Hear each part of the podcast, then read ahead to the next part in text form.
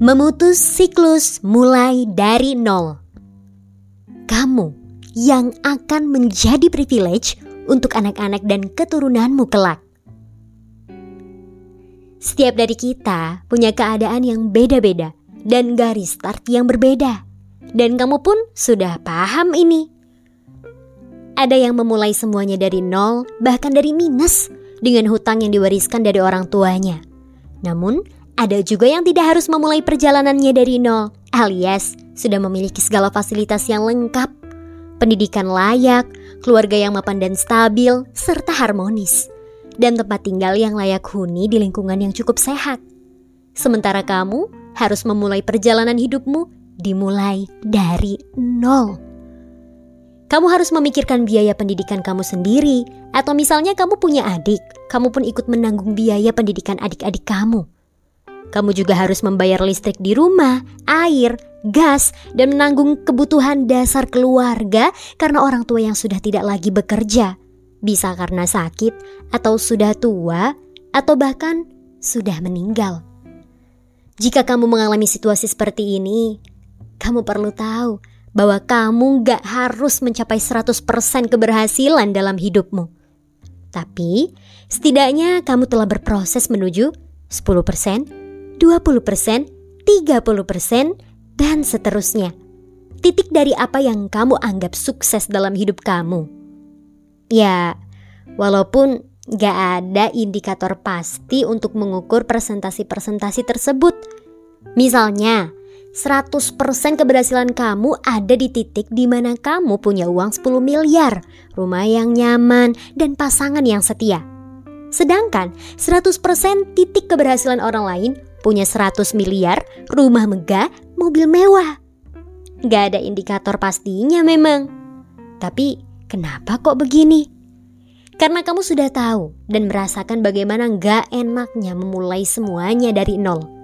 Karena kamu udah tahu gimana gak enaknya sendirian, kesepian gak ada tempat untuk bercerita, gak ada tempat untuk berdiskusi tentang apa yang ada di kepalamu kamu gak punya banyak teman, kamu gak punya relasi, kamu gak pernah merasakan mendapatkan modal keuangan dari orang tua. Kamu berusaha memenuhi kebutuhan hidupmu sendiri, semuanya serba apa-apa sendiri. Terus, apakah semua ini akan terjadi lagi pada anak-anak dan keturunanmu kelak? Apakah semua ini akan terulang kembali pada anak-anak dan keturunanmu kelak? Apakah mereka akan merasakan kembali apa yang sudah kamu rasakan kemarin dan hari ini? Apakah mereka juga harus merasakan sepinya perjuangan, mengobati lukanya sendiri, tidak ada yang menyemangati, tidak ada tempat bercerita dan berdiskusi tentang topik, ide, dan gagasan di kepalanya? Atau bercerita tentang keluh kesah hari-harinya sama seperti apa yang sudah kamu lalui saat ini?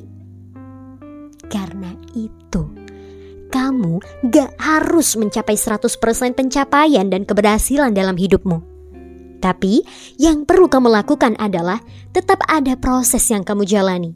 Proses yang mendekati tercapainya impian itu dan proses yang menuju berubahnya keadaan hidupmu. Oke, okay, mungkin saat ini kamu sedang bekerja. Pagi berangkat, sore perjalanan pulang, macet desek-desekan berebut jalan, lalu sampai rumah malam hari. Pertanyaannya adalah, apakah ini bisa mengubah keadaan kamu di masa depan? Saya sangat menghargai prosesmu. Itu pasti capek banget ya. Pasti sih. Dan mungkin kamu pun melakukan pekerjaan itu karena terpaksa keadaan.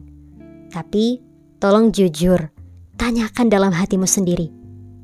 Apakah jika saya melakukan ini terus-menerus, apakah hidup saya akan berubah dan semuanya akan membaik? Kalau jawabannya adalah tidak, dan malah ke depannya bisa semakin parah terjebak dalam keadaan seperti ini, maka kamu harus rela mengorbankan waktu istirahat kamu untuk melakukan hal lebih. Melakukan hal lebih bagaimana maksudnya? Jadi, ketika kamu pulang malam hari sampai rumah nih, waktu yang seharusnya kamu pakai untuk santai dan beristirahat, justru kamu pakai untuk belajar skill atau ilmu baru yang dibutuhkan untuk menghasilkan penghasilan baru. Ini pastinya rasanya benar-benar capek dan menyita kesehatan dan waktu tidurmu. Raga dan mental kamu akan benar-benar lelah menghadapi fase ini. Tapi mau gimana lagi, inilah keadaan yang saat ini terjadi. Kamu terlahir dalam keadaan yang seperti ini, dan tentunya bukan pilihan yang tepat kalau hanya menyalah-nyalahkan keadaan dan menyalahkan Tuhan. Maka dari itu, kamu gak harus mencapai 100% titik keberhasilan yang kamu bayangkan. Setidaknya, kamu mau menanggung keadaan ini untuk melakukan hal lebih dari pekerjaan atau aktivitas yang saat ini sudah kamu lakukan agar kamu bisa berproses mencapai titik 20%, 30%, 40%, seterusnya agar itu bisa menjadi batu pijakan untuk anak-anak dan keturunanmu selanjutnya. Kalau anak-anak dan keturunanmu harus memulai kembali semuanya dari nol, lalu kapan akan berhentinya siklus macam ini? Dari nol lagi, dari nol lagi, dari nol lagi. Kapan terputusnya siklus seperti ini? Mereka akan mengulangi kembali apa yang sudah kamu alami kemarin. Atau bahkan lebih berat lagi dari apa yang kamu rasakan saat ini karena persaingan di zaman mereka akan lebih ketat. Mungkin kamu akan berkata kalau saya nggak mengerti keadaan kamu atau orang-orang nggak akan mengerti sebelum mereka merasakannya sendiri. Namun, yang namanya mengubah keadaan dan memutuskan rantai siklus kemiskinan di garis keturunan keluarga ya memang capek dan melelahkan. Banyak menguras waktu dan pikiranmu. Kamu gak ada waktu untuk main, gak ada waktu untuk nongkrong-nongkrong, teman-teman yang jadi sedikit, gak ada waktu untuk pacaran. Ya ini wajar, wajar banget.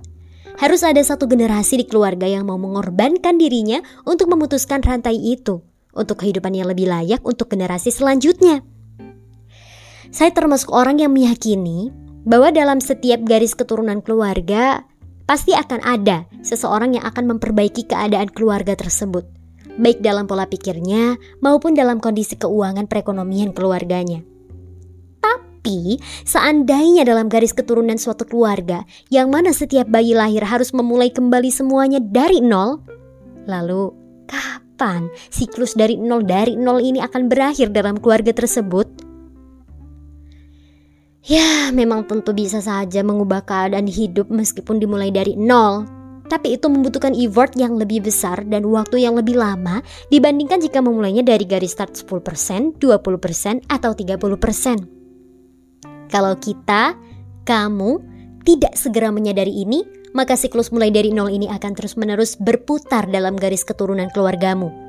Setidaknya, kamu yang mulai menyadari ini sanggup menjadi perintis yang mau berkorban dalam keluarga kamu demi mengubah keadaan saat ini. Gak peduli apa pun latar belakang keluargamu. Gak peduli gimana keadaan kamu saat ini. Apakah punya privilege atau tidak, punya cukup modal atau tidak, punya akses pendidikan atau tidak. Gak usah memikirkan hal-hal seperti itu lagi lah. Abaikan semua itu. Dan sekarang coba tanamkan ini pada pikiranmu. saya mau mengubah keadaan hidup saya. Saya mau mengubah keadaan keluarga saya. Apa pun yang terjadi, saya akan tetap berusaha memperjuangkannya. Meskipun saya nggak punya privilege, Meskipun saya bukan old money, meskipun semuanya apa-apa sendiri, mau sedih, mau bahagia, saya akan tetap berjuang. Keturunan saya, merekalah yang akan menjadi old money dan saya yang menjadi privilege bagi mereka. Nah, dengan keyakinan seperti ini, ini bisa membuat kamu untuk terus berusaha berproses mengubah keadaanmu.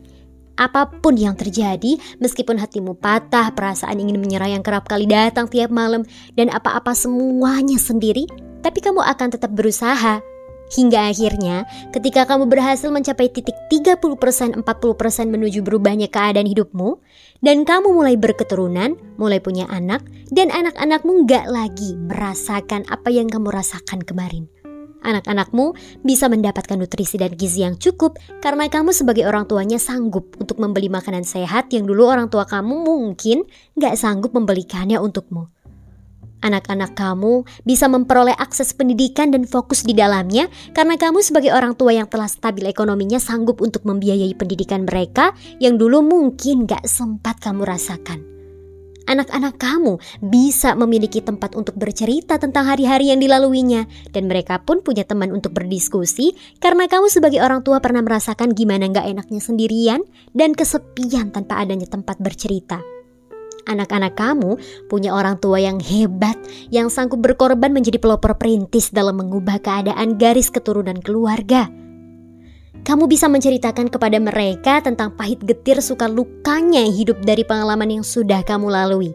Dan pengalaman seperti itu penting banget buat mereka.